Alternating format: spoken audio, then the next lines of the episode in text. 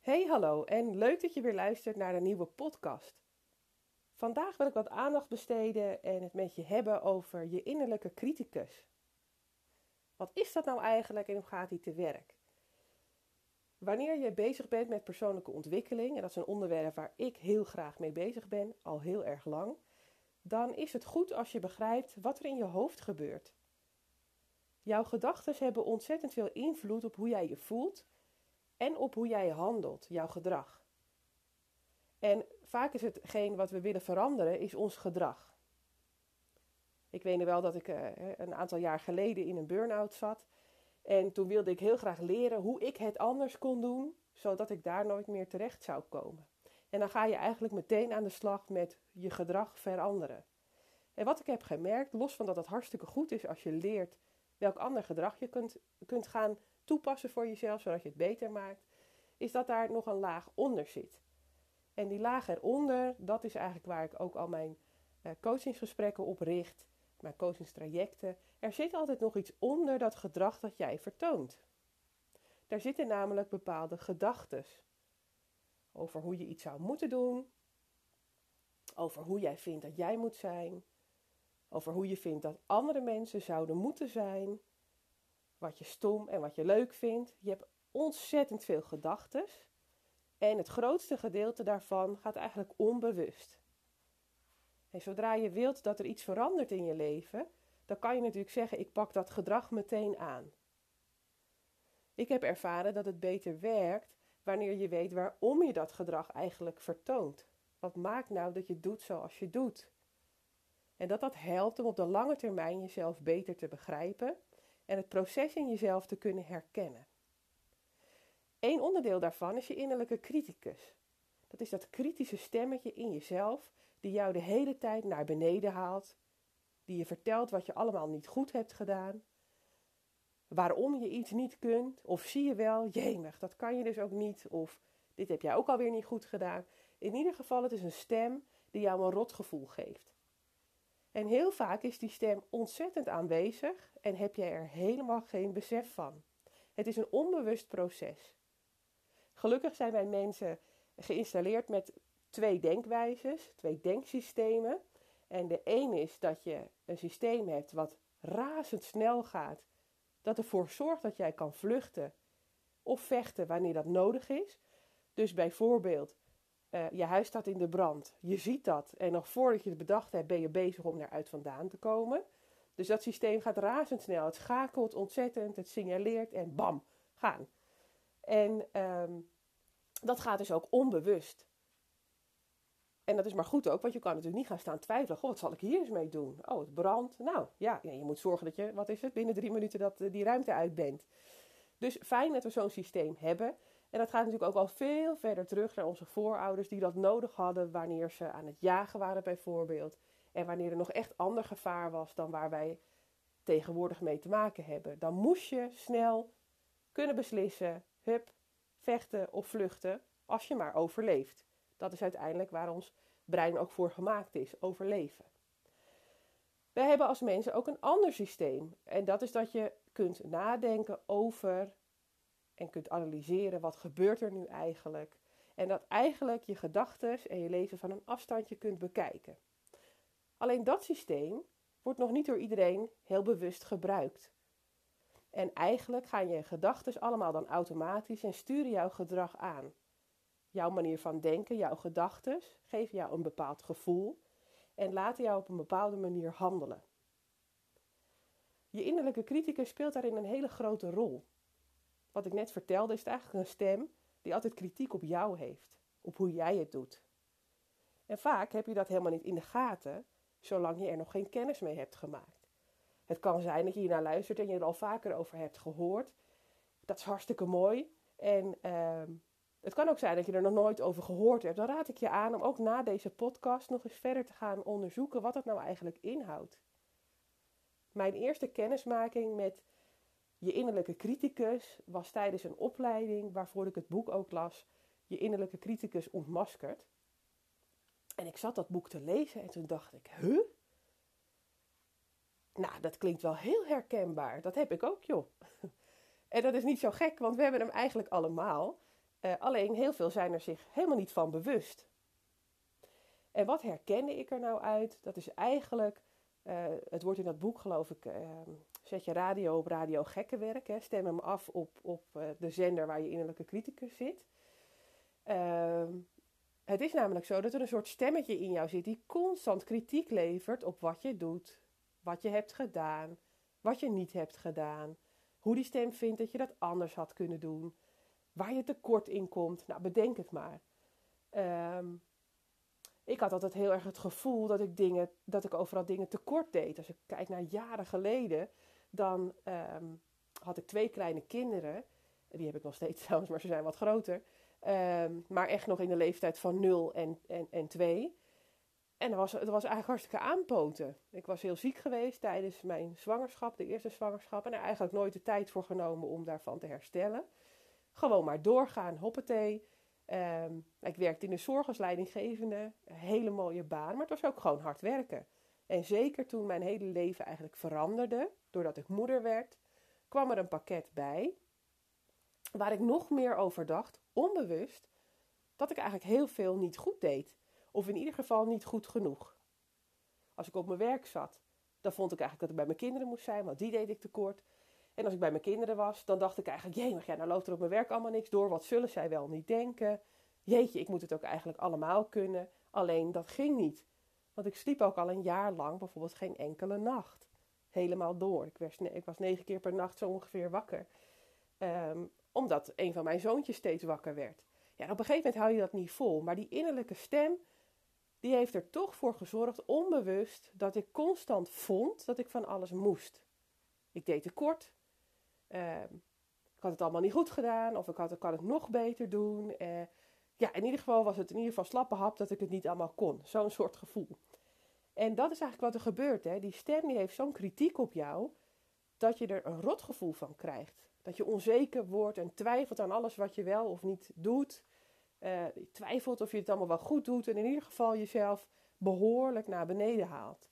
En als je daar niet bewust van bent, dan raast dat proces constant door in jouw hoofd zonder dat je er grip op hebt. Ja, bezig zijn met persoonlijke ontwikkeling is iets wat ik al heel veel jaren heel graag doe. Via allerlei opleidingen kwam ik daarmee in aanraking. En uiteindelijk heb ik daar natuurlijk mijn werk van gemaakt als coach. Maar dat betekent dat ik ook nog steeds zelf bezig ben, elke dag, met mezelf ontwikkelen.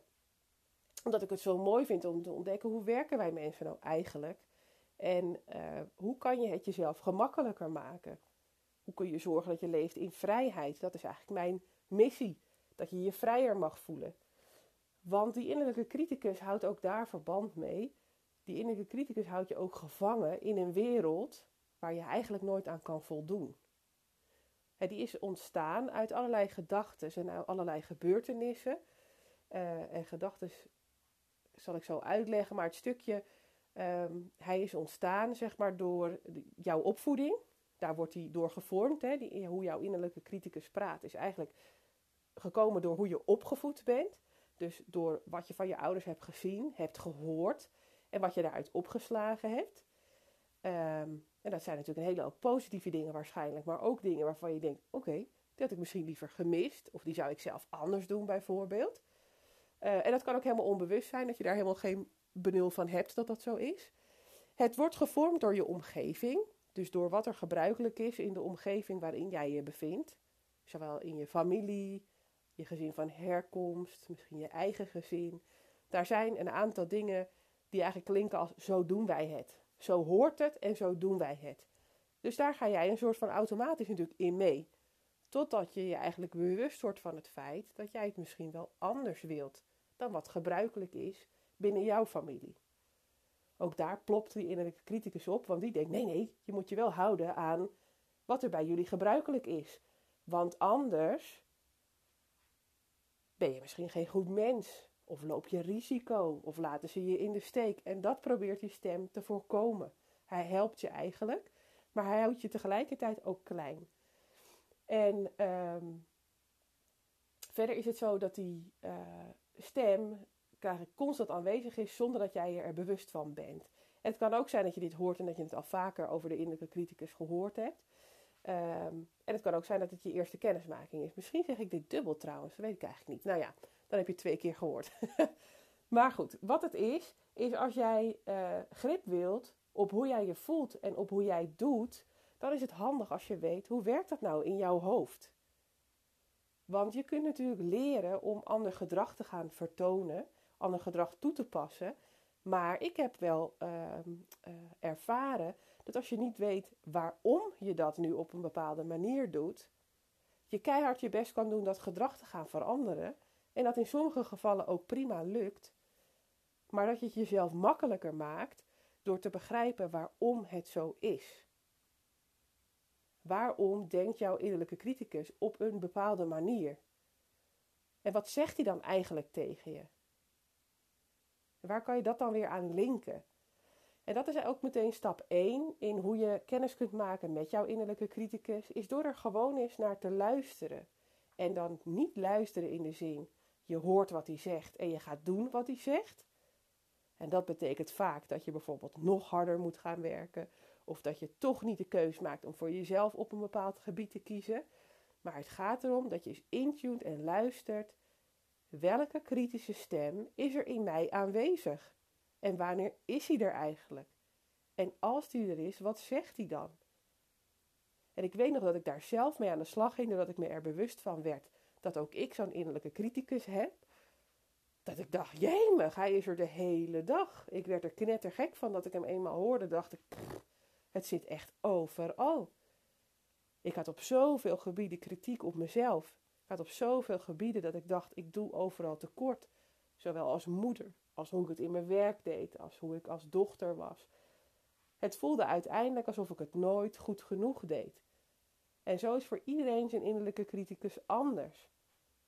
Maar iets ervan zal je vast herkennen zodra je gaat luisteren naar wat speelt er zich nou af in mijn hoofd. Hoe klinkt dat? Ja, dan kan je dat eens gaan observeren. En wat dan een volgende stap is, en dat heb je echt niet in één dag voor elkaar. Maar als je eenmaal bewust wordt van het feit dat die stem er is, dan heb je al een stukje gewonnen.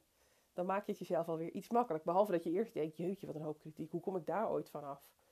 Het helpt niet om die stem weg te gaan zitten duwen, om te zeggen, nou, hartstikke leuk, heb je gehoord en nou wegwezen. Want daardoor gaat die stem alleen maar harder roepen.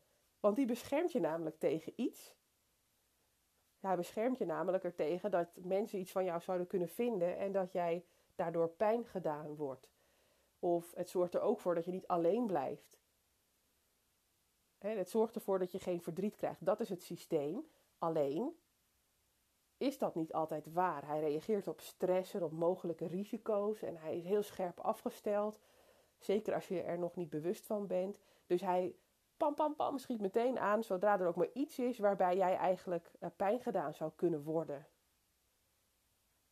Of echt risico lopen dat je iets gaat doen wat niet zo handig is dat je valt en dat je je nek breekt bijvoorbeeld. Daar zegt hij ook iets zo. Nou, daar moet hij gewoon lekker blijven werken natuurlijk. Maar in sommige gevallen wil jij iets anders en betekent dat dat je de kans loopt dat mensen daar iets van zullen vinden. Dat mensen je gaan kwetsen, dat kan. En die innerlijke criticus probeert dat te voorkomen. Hij probeert te voorkomen dat iemand tegen jou gaat zeggen dat je het niet goed genoeg doet. En daardoor vertelt hij het alvast de hele tijd aan jouzelf. Zodat je nog harder gaat werken, nog harder je best gaat doen, jezelf nog, nog meer gaat bewijzen. Dat soort dingen doet hij met je. Of jezelf slecht gaat voelen, waardoor je toch gaat doen wat de ander van je wilt, bijvoorbeeld. Of waarvan je denkt dat de ander het van je wilt. Dus de eerste stap is eigenlijk: ga er eens naar luisteren. Luister eens wat hij zegt, zonder ernaar te handelen. Want dat is dat automatische systeem. Eigenlijk werkt die innerlijke criticus onbewust. Al die gedachten zijn er onbewust. En vervolgens stem jij jouw handelingen, jouw gedrag daarop af. En als je zegt, ik wil mijn leven wat veranderen, ik wil het gemakkelijker maken, of ik wil leren toch die stap te zetten die ik nu heel eng vind, dan is intunen op je innerlijke criticus iets waar een grote kracht ligt. Dus dat is luister eens naar wat hij jou vertelt.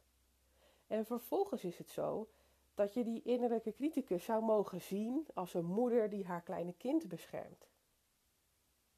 Een overbezorgde moeder die als een leeuwin ervoor zorgt dat haar kind niks wordt aangedaan. Die innerlijke criticus die beschermt ook een bepaald kindsdeel in jou. Het deel dat gekwetst is, misschien wel toen je klein werd of bang is geweest. Of bedenk het maar, het beschermt jou op een bepaalde leeftijd. Die is voor iedereen verschillend trouwens. Ehm, maar het beschermt dat gedeelte dat nog niet zo goed voor zichzelf op kan komen. Alleen, jij bent nu volwassen. En dat kun je wel. En jij mag andere keuzes maken. En je bent niet meer zo afhankelijk van iedereen waar je bijvoorbeeld bij op bent gegroeid. Ja, natuurlijk wil je dat, je, dat iedereen van je houdt. Maar je wil ook vooral een leven leiden waar je zelf gelukkig van wordt. En daar zit vaak zo'n strijd bijvoorbeeld. Dus als je die stem kan zien als: hé, hey, dat is mijn overbezorgde moeder. Wat zou je tegen je moeder zeggen? Ik kan me nog wel herinneren dat ik dan geen benul had, dat dat uh, best een ding was als ik, uitging en dan tot laat wegbleef. En dat mijn moeder dacht, jemig, jemig. Ja, totdat ik zelf kinderen kreeg, en dacht ik, oh. Ja, en die van mij zitten bij wijze van spreken fietsen ze alleen nog maar een rondje door de straat. Dan denk ik al, poeh, nou, ik hoop dat zo weer terug zijn. En ik ging gewoon tot twee uur s'nachts of later de stad in. En dan dacht ik, nou, kom wel goed hoor. Terwijl mijn moeder zich daar natuurlijk zorgen over maakte. Als je kan zien dat die innerlijke criticus eigenlijk een overbezorgde moeder is, nou, wat zeg jij tegen je moeder? Of wat zei jij tegen je moeder? Of wat zei je tegen degene die bezorgd over jou was? Kan ik iemand anders dan je moeder zijn geweest natuurlijk. Ja, daar zeg je tegen. Oh, is goed. Komt wel goed. Ik zal goed op mezelf letten. You, oké, doeg. En dan ga je toch doen wat jij wilt. Ik weet dat mijn oma altijd zei, als een van, uh, ja, ik of mijn zus of mijn neefjes bijvoorbeeld op vakantie ging. En er waren dan van die scooters die je kon huren. dat vond ze eigenlijk allemaal maar spannend en vond ze eigenlijk niks. Dat je dan, nou, daar zei zij iets over. Kijk je uit en doe maar niet op iets van die scootertjes bijvoorbeeld. En ja, natuurlijk zei je dan, ja, nee, dat is goed. We zullen opletten hoor. En uiteindelijk gingen ik en mijn zus bijvoorbeeld wel een keer een heel Grieks eilandje over op een scooter. Snap je dat soort dingen? Je zegt natuurlijk, het komt goed hoor. En je gaat toch doen wat jij graag wilt doen. En dat betekent niet dat je allerlei uh, gevaarlijke risico's hoeft te gaan nemen. Helemaal niet. Maar nou, neem het voorbeeld van het rijden op de scooter. Joh, we hadden een prachtige vakantie. We hebben heel dat, het was Corfu, we hebben heel dat eiland bijvoorbeeld gezien. ik heb toen niet eens meer gedacht aan de opmerking van mijn oma. Maar ja, daar heb ik toch tegen mijn oma gezegd. Ja, dat komt goed hoor. We zullen opletten. Ja, en uiteindelijk ga je toch dingen doen die je wil doen om de wereld te ontdekken. Of om ja, eigen kunnen te uit te breiden. Dat soort dingen. Ehm, dus, wat is dan de truc? Je hoort wat die stem jou vertelt. En vervolgens kan je zeggen, oh, nou, ik hoor je. En je kan zelfs nog zeggen, het is niet zo aardig wat je zegt. Zullen we het even overnieuw doen? Als het heel erg lelijk over jezelf is. Maar je kan ook zeggen, joh, dank je wel dat je me behoedt voor allerlei risico's. Maar ik kan het wel zelf, dank je wel. Ik zal geen risico nemen. Of ik neem een risico, maar ik weet zeker dat het goed komt. Maar dank je wel dat je er bent. En wat gebeurt er dan in plaats van dat je die stem onbewust zijn werk laat doen en dus jouw hele leven beïnvloedt? Of als jij hem eenmaal hoort en dat je zegt, nou, zout er eind op, ik wil jou niet. Je drukt hem weg, dan gaat hij harder schreeuwen, dan ga je ermee vechten. Maar als je zegt, oké, je mag er zijn. Ik heb je gehoord, ik snap dat je het eng vindt. Maar het komt echt wel goed. Ik ga dit toch doen. En het gevolg kan ik dragen. Want ja, soms neem je beslissingen die uiteindelijk met zich meebrengen dat je wel pijn krijgt. En dat mensen jou wel gaan kwetsen. En dat je wel het gevoel hebt dat je even alleen staat. Maar op deze leeftijd kun je dat aan. Want jij kan ook regelen dat er mensen om je heen zijn die je wel op kunnen vangen. En die je wel steunen. Dus twee is, hoor de stem en stel hem gerust. Stel je overbezorgde moeder gerust. En je kan ook zeggen, vind het eigenlijk niet zo aardig wat je zegt. Dat is dan waarschijnlijk niet je moeder. Maar nou, die gedachte is eigenlijk niet aardig, zullen we dat nog een keer overnieuw doen. En dan kan je ook richten op, in plaats van wat je allemaal niet goed doet, hè, als je dat hoort, dat heel veel kritiek is op waar jij tekort komt, dat je voortaan meer gaat letten op wat jij goed vindt van jezelf. Waar ben je nou trots op? En dat je daar bijvoorbeeld een, een moment op de dag voor inplant. Uh, bijvoorbeeld de avond, dat je de dag terug gaat en dat je zegt, nou welke dingen ben ik nou super trots op van mezelf? En dat kunnen al hele kleine dingen zijn. Dat je niet boos geworden bent op je kinderen. Of uh, dat je de afwas hebt gedaan. Dat je de tuin hebt gewiet. Of dat je eindelijk eens een momentje voor jezelf nam. Uh, dat je nee zei tegen iemand. En als je dat soort dingen nou eens op gaat schrijven, dan gaat je focus naar wat jij goed doet. Naar waarop jij wel voldoet. In plaats van op waar je allemaal niet op voldoet. Dus die innerlijke stem in jou, die is heel bepalend voor hoe jij je voelt. Want hij geeft je een rotgevoel, hoe dan ook.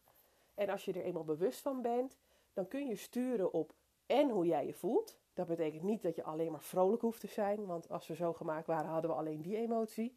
Dat is niet zo. Je bent ook wel eens verdrietig, je bent ook wel eens bang. Alles hoort erbij.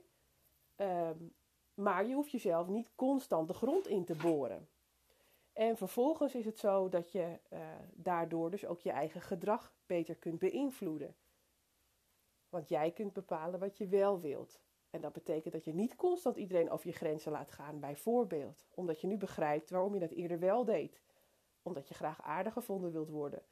Omdat jouw innerlijke criticus vertelt dat je anders niet goed genoeg bent, bijvoorbeeld. Nou, dan kan je dus nu gaan oefenen met het stukje. Wat hoor ik eigenlijk? Wat vertelt hij mij? Hoe stel ik die stem gerust? Of hoe stuur ik die stem bij? Door juist de focus te leggen op het goede deel van mezelf. En dat dan bewust te gaan doen.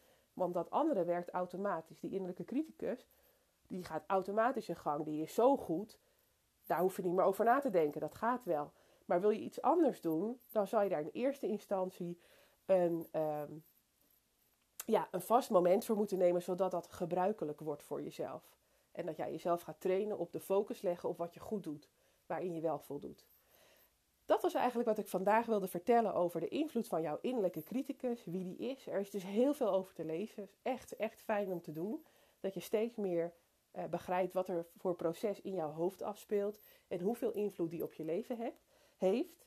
Um, ja, ik hoop dat je er voor jezelf iets uit kunt halen, dat je er herkenning in vindt en nou, dat het je gaat helpen om ook op weg te gaan naar een stukje meer vrijheid. Want meer vrijheid in je hoofd geeft ook meer regie over je leven. En die regie over je leven nemen, die helpt jou om het leven voor jezelf makkelijker en vrijer te maken. Voor vandaag wens ik je een hele fijne dag. Dank je wel dat je hebt geluisterd. Ehm, denk je, nou, dat zou eigenlijk ook iemand anders eens moeten horen? Deel dan mijn podcast. Daar word ik helemaal blij van als meer mensen met het onderwerp in aanraking komen, waardoor meer mensen getriggerd worden te gaan leven in een vorm van vrijheid die voor hun goed is. Een hele goede dag en dank je wel. Doeg! Hey, hallo en wat leuk dat je er weer bij bent. Een nieuwe aflevering. En ik zat een beetje te twijfelen. Welke ga ik eerst doen? Wordt het een podcast over dankbaarheid? Of ga ik het toch hebben over het stellen van doelen en de manier waarop ik dat doe? Um, nou, en ik kies ervoor om in ieder geval als eerste die van dankbaarheid op te nemen. En daar luister je dus ook naar, dat heb je kunnen zien. En uh, ik was namelijk eigenlijk van plan om eerst iets te delen over het eh, realiseren van doelen of het stellen van je doelen. En hoe kan je dat nou ook nog doen? Um, maar goed, ik denk toch dat dankbaarheid even voorgaat. Want wat gebeurde er? Uh, vandaag is het een hele zonnige dag. Het is heel koud. Het heeft gevroren. Dus buiten zag alles een beetje wit. En is het heel erg helder. Dus de zon schijnt. En besloot ik, ik ben vandaag vrij. Dus ik doe vandaag niets aan wandelcoaching bijvoorbeeld. Uh, van, ik ga mijn dag beginnen en dan ga ik beginnen met een wandeling. En uh, ik ging dus naar buiten, lekker lopen, want het is zo mooi. Het is koud, maar het is zo mooi buiten dan. Er is zoveel te zien dat ik lekker naar buiten ging. En toen besloot ik, ja, ik dacht er al een tijdje over na. Ik wil eigenlijk iets met je delen over dankbaarheid. Um, en wat voor verschil dat eigenlijk in mijn leven heeft gemaakt dat ik dacht, ik ga daar toch eerst over opnemen. Dus nou, hier ben ik. God, lange intro, helemaal niet nodig, maar dan weet je eventjes waar het vandaan komt. Uh, dankbaarheid. Ja, dankbaarheid helpt je om de klappen die je in het leven kunt krijgen, en die de meeste van ons krijgen, makkelijker te kunnen dragen. En waarom zeg ik dat? Dat is omdat ik ervaren heb dat dankbaarheid zorgt voor veerkracht grote dingen uit het leven die je eigenlijk neerslaan, neerhalen, je hele leven overhoop gooien. En uh, nou, de, de, dat je voelt dat de, dat de wereld onder je voeten verdwijnt, zeg maar. Hè? Dat, het, dat je gewoon in een zwart gat valt. En dat het te groot is om te dragen, bijvoorbeeld. Um, ja, dan heb je iets nodig om, om daar niet in te storten of niet blijvend in te storten. Wat voor dingen bedoel ik dan? Ik denk ook dat het trouwens per persoon verschillend is. Maar dingen die echt harde klappen zijn, zijn natuurlijk de ernstige ziektes die jij of een van je dierbaren krijgt. Eh, het verliezen van een kind of uh, het verliezen van je partner, je ouders, nou, je broer, je zus, bedenk het maar. Um, het het uh, verliezen van een baan, als je dat bijvoorbeeld helemaal niet verwacht had. kan ontzettende klap zijn voor je. Dat je denkt, hè, ineens, ineens stopt het en dan houdt het op. En, ja, en dan? Nou, zo zijn er heel veel dingen te bedenken die je eigenlijk tegen de grond slaan. Je lam slaan, dat je niet meer weet wat je moet en dat je eigenlijk heel verdrietig bent. Of misschien wel boos, er komt een hoop emotie bekijken. Hoe kan dankbaarheid daar nou bij helpen? Dat is dat als je je realiseert dat er heel veel is om dankbaar voor te zijn, dan ga je daarvoor eigenlijk ook de waarde inzien van het leven en hoe goed het eigenlijk wel niet is. En het helpt je dus, dus wanneer je een klap krijgt, dan moet je die klap wel kunnen voelen hoor trouwens. Ik ben groot voorstander van als je verdriet hebt, dat ook gewoon te doorleven. Dus verlies je iemand, gun jezelf de ruimte om, om daar ook echt verdrietig over te mogen zijn. En laat alle emoties daarin gewoon voorbij komen. Maar op een gegeven moment is het belangrijk dat je ook weer doorgaat. En ehm, als je dat wilt, tenminste. Ik vind het zonde als je leeft om het dan uh, te laten liggen eigenlijk. Hè? En daar heb ik um, zelf gelukkig nog niet zulke soort uh, ziekte dingen meegemaakt, bijvoorbeeld. Maar wel mensen heel dichtbij mij. En ook wel van mensen die ik zelf wel ken. Dat je, jeetje, ja, je wereld staat gewoon stil. En dat raakt mij ook al. Kan je nagaan hoe erg het hun wel niet raakt. En ja, wat doe je dan met het leven? Hè? Wat, hoe moet je dan door eigenlijk? Nou, wat er bij mij 2,5 jaar geleden gebeurde is toen ik, uh, ik weet niet eens meer waardoor het begon. Maar goed, het zal met lezen te maken hebben. Ik lees heel graag over persoonlijke ontwikkeling en uh, alles wat je kan doen om jezelf beter te begrijpen. En om veranderingen aan te brengen in je leven. Nou, toen las ik een stuk over dankbaarheid. En ja, hoe belangrijk dat wel niet is en hoe je dat dan kan doen. Nou, ik besloot op een gegeven moment. Um, wat zou nou een vast moment voor mij kunnen zijn om daarmee bezig te zijn? En dat heb ik besloten dat ik dat ochtends doe. Nog voordat ik echt wakker wakker ben. Maar zodra ik een beetje merk, hé, hey, ik kom weer in het land der levenden dan nog voordat ik mijn ogen heb geopend of een wekker uitdruk of iets gezegd heb, zeg ik in gedachten, spreek ik mijn dankbaarheid uit over dat ik deze dag weer wakker ben geworden. Ehm, en wat doet dat? dat doet namelijk, het klinkt misschien wat zweverig of zo, maar het helpt namelijk bij het vastzetten van de dag. Ik ben dus dankbaar voor elke nieuwe dag die weer begonnen is. Dus ik zou natuurlijk wel een ei zijn als ik die dag dan zou verklooien. En uh, wat bedoel ik met verklooien, is dat ik bijvoorbeeld uh, ga lopen klagen over hoe afschuwelijk bepaalde dingen wel niet zijn. En hoe slecht het weer wel niet is. En pff, weet ik veel, dat ik iedereen maar een zeikert vind. En dat ik iets tekort kom. Of dat ik zagrijnig ben en ik daar maar lekker aan toegeef. Dat ik dan de hele wereld afsnauw, bedenk het maar. Doe ik dat dan helemaal nooit meer? Ja, natuurlijk wel. Maar waar ben ik me bewust van geworden? En wat voor effect heeft het gehad? Is dat ik weet nu ik dankbaar ben voor bijvoorbeeld al een dag die begint voor mijzelf, dat ik weet, ja, dat is niet vanzelfsprekend. Want er zijn waarschijnlijk heel veel mensen die die dag ook graag nog hadden willen hebben en hem niet meer hebben. Of die die dag iemand verliezen die ze graag bij zich hadden willen hebben. Uh, ik weet nog niet eens waar ik, waar ik, hoe mijn wereld eruit ziet als ik wakker word. Maar dat ik wakker ben geworden, weet ik al. En daar ben ik dankbaar voor. En het helpt gewoon om de rest van de dag voor mij veel bewuster te zijn van alles. Nou, dat doe ik nu dus ongeveer 2,5 jaar. En ik merk daarin een enorm groot verschil. Want ja, natuurlijk ben ik ook zagrijnig. En natuurlijk zeg ik ook over de regen. Goed en weer, hè? Oh, het is koud, hè? En dan, terwijl ik dat zeg, denk ik, loop je nou te klagen? Het is maar regen. Gelukkig kan ik die regen voelen. En uh, heb ik lekker een parapluutje om onder te staan. Er zijn zat mensen die misschien wel in het ziekenhuis liggen. En graag in het regenbuitje hadden willen staan. Zie je, het helpt me dus om dingen in een bepaald perspectief te zetten. Want wat heb ik eraan om te klagen over die regen? Want dat helpt, dat helpt niet om je. Uh, nou om, om lekker in het leven te staan. En dat is wat ik wil. Ik wil eigenlijk licht in het leven staan. En ik wil om kunnen gaan met alles wat er op je pad komt. En alles wat er op je pad komt zijn uh, verliezen van mensen, van dingen die je graag met die persoon deed, dierbare. Nou, alle ziektes die kunnen komen, of bedenk het allemaal maar. Um, dan is het toch te gek als ik eigenlijk alles om me heen heb wat gewoon goed is. En zoveel is om dankbaar voor te zijn. Dat ik zou gaan lopen zeuren over de regen. En dat ik me volledig zou laten gaan wanneer ik mijn dagje niet zo goed voel. Dus goed, ik heb er bewust voor gekozen dat ik dat niet meer wilde. Ik wilde niet mijn dag vergooien, want ik had er weer één. Nou, dat dat bewustzijn eenmaal kwam en dat ik dus elke dag die dankbaarheid uit ging spreken, merk ik dus ook dat grote verschil. En dat betekent niet dat het vanzelf gaat, want ik moet er echt gewoon voor werken. En, natuurlijk sta ik ook wel eens te mopperen en dan denk ik, uh, wat, een, wat een gezeur. En dan ergens komt er weer zo'n bewustzijn momentje en dan denk ik, wat doe je Suus? Wees eens blij met wat je hebt. En moet ik dan weer helemaal vrolijk worden? Nee, dat is het doel helemaal niet. Maar ik kan wel stoppen met zeuren bijvoorbeeld. En ik kan ook gewoon denken, oké, vandaag ben ik zagrijnig. Nou, ik maak mezelf gewoon gemakkelijk. Prima.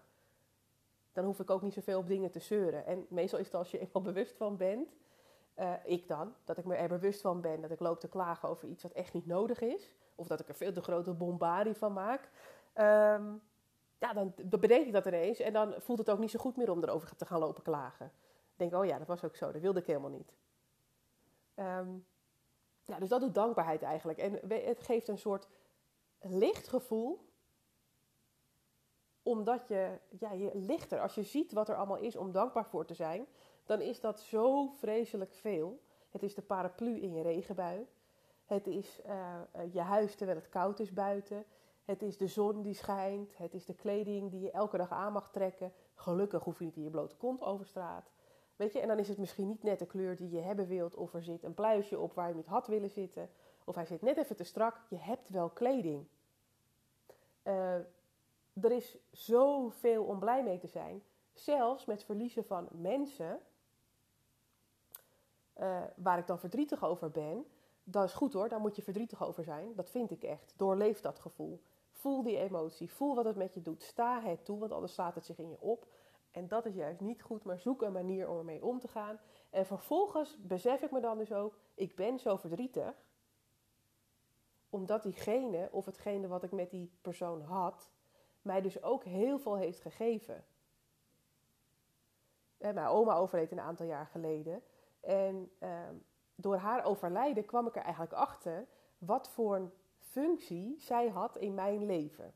En dat was vooral, kijk, ze was natuurlijk gewoon een oma. En we hebben vroeger, dat, ze, dat ook zij nog fit was samen met mijn opa, onwijs leuke dingen gedaan samen. Van logeren en we mochten altijd naar, naar Epen, naar de hei, naar de schaapjes. Maar later, dat mijn oma, mijn opa was al overleden en mijn oma die was niet meer zo mobiel.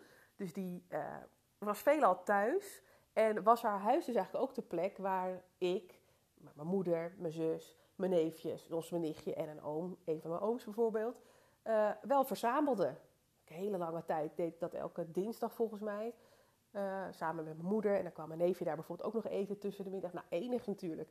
En later met mijn eigen kinderen. En kwamen ook mijn neefje en mijn nichtje, dus de kinderen van mijn zus bijvoorbeeld daar weer. En van mijn neef. En dan was het een soort plek van nou, we bezoeken allemaal oma eventjes. En dan was die hele familie, de mensen bij wie ik graag ben, was dan samen. En dat was zo leuk, dat doordat zij overleed, viel die functie natuurlijk weg.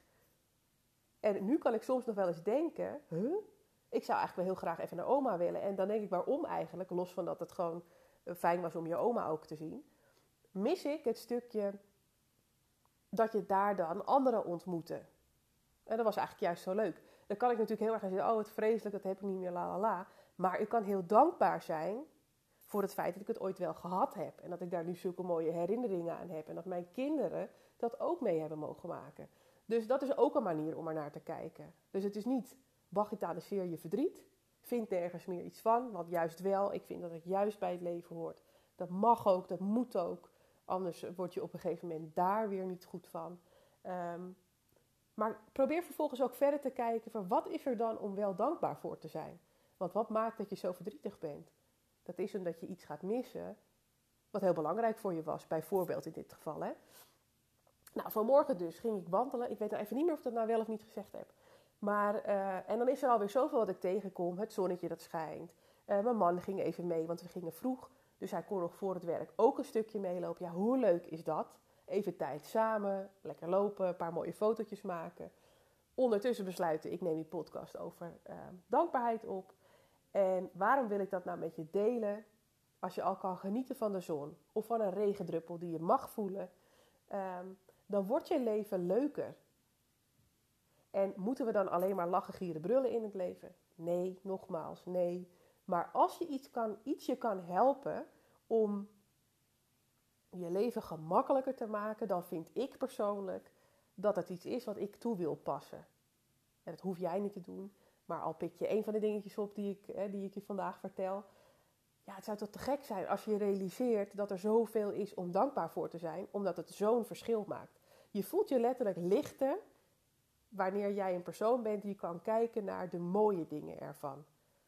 En het helpt je om wanneer er groot verdriet komt, nadat je dat ook gevoeld hebt, ook te kunnen kijken naar ja, wat is er eigenlijk allemaal nog meer en welke herinneringen blijven er of wat is er nog steeds mooi ondanks alle nare dingen die je meemaakt.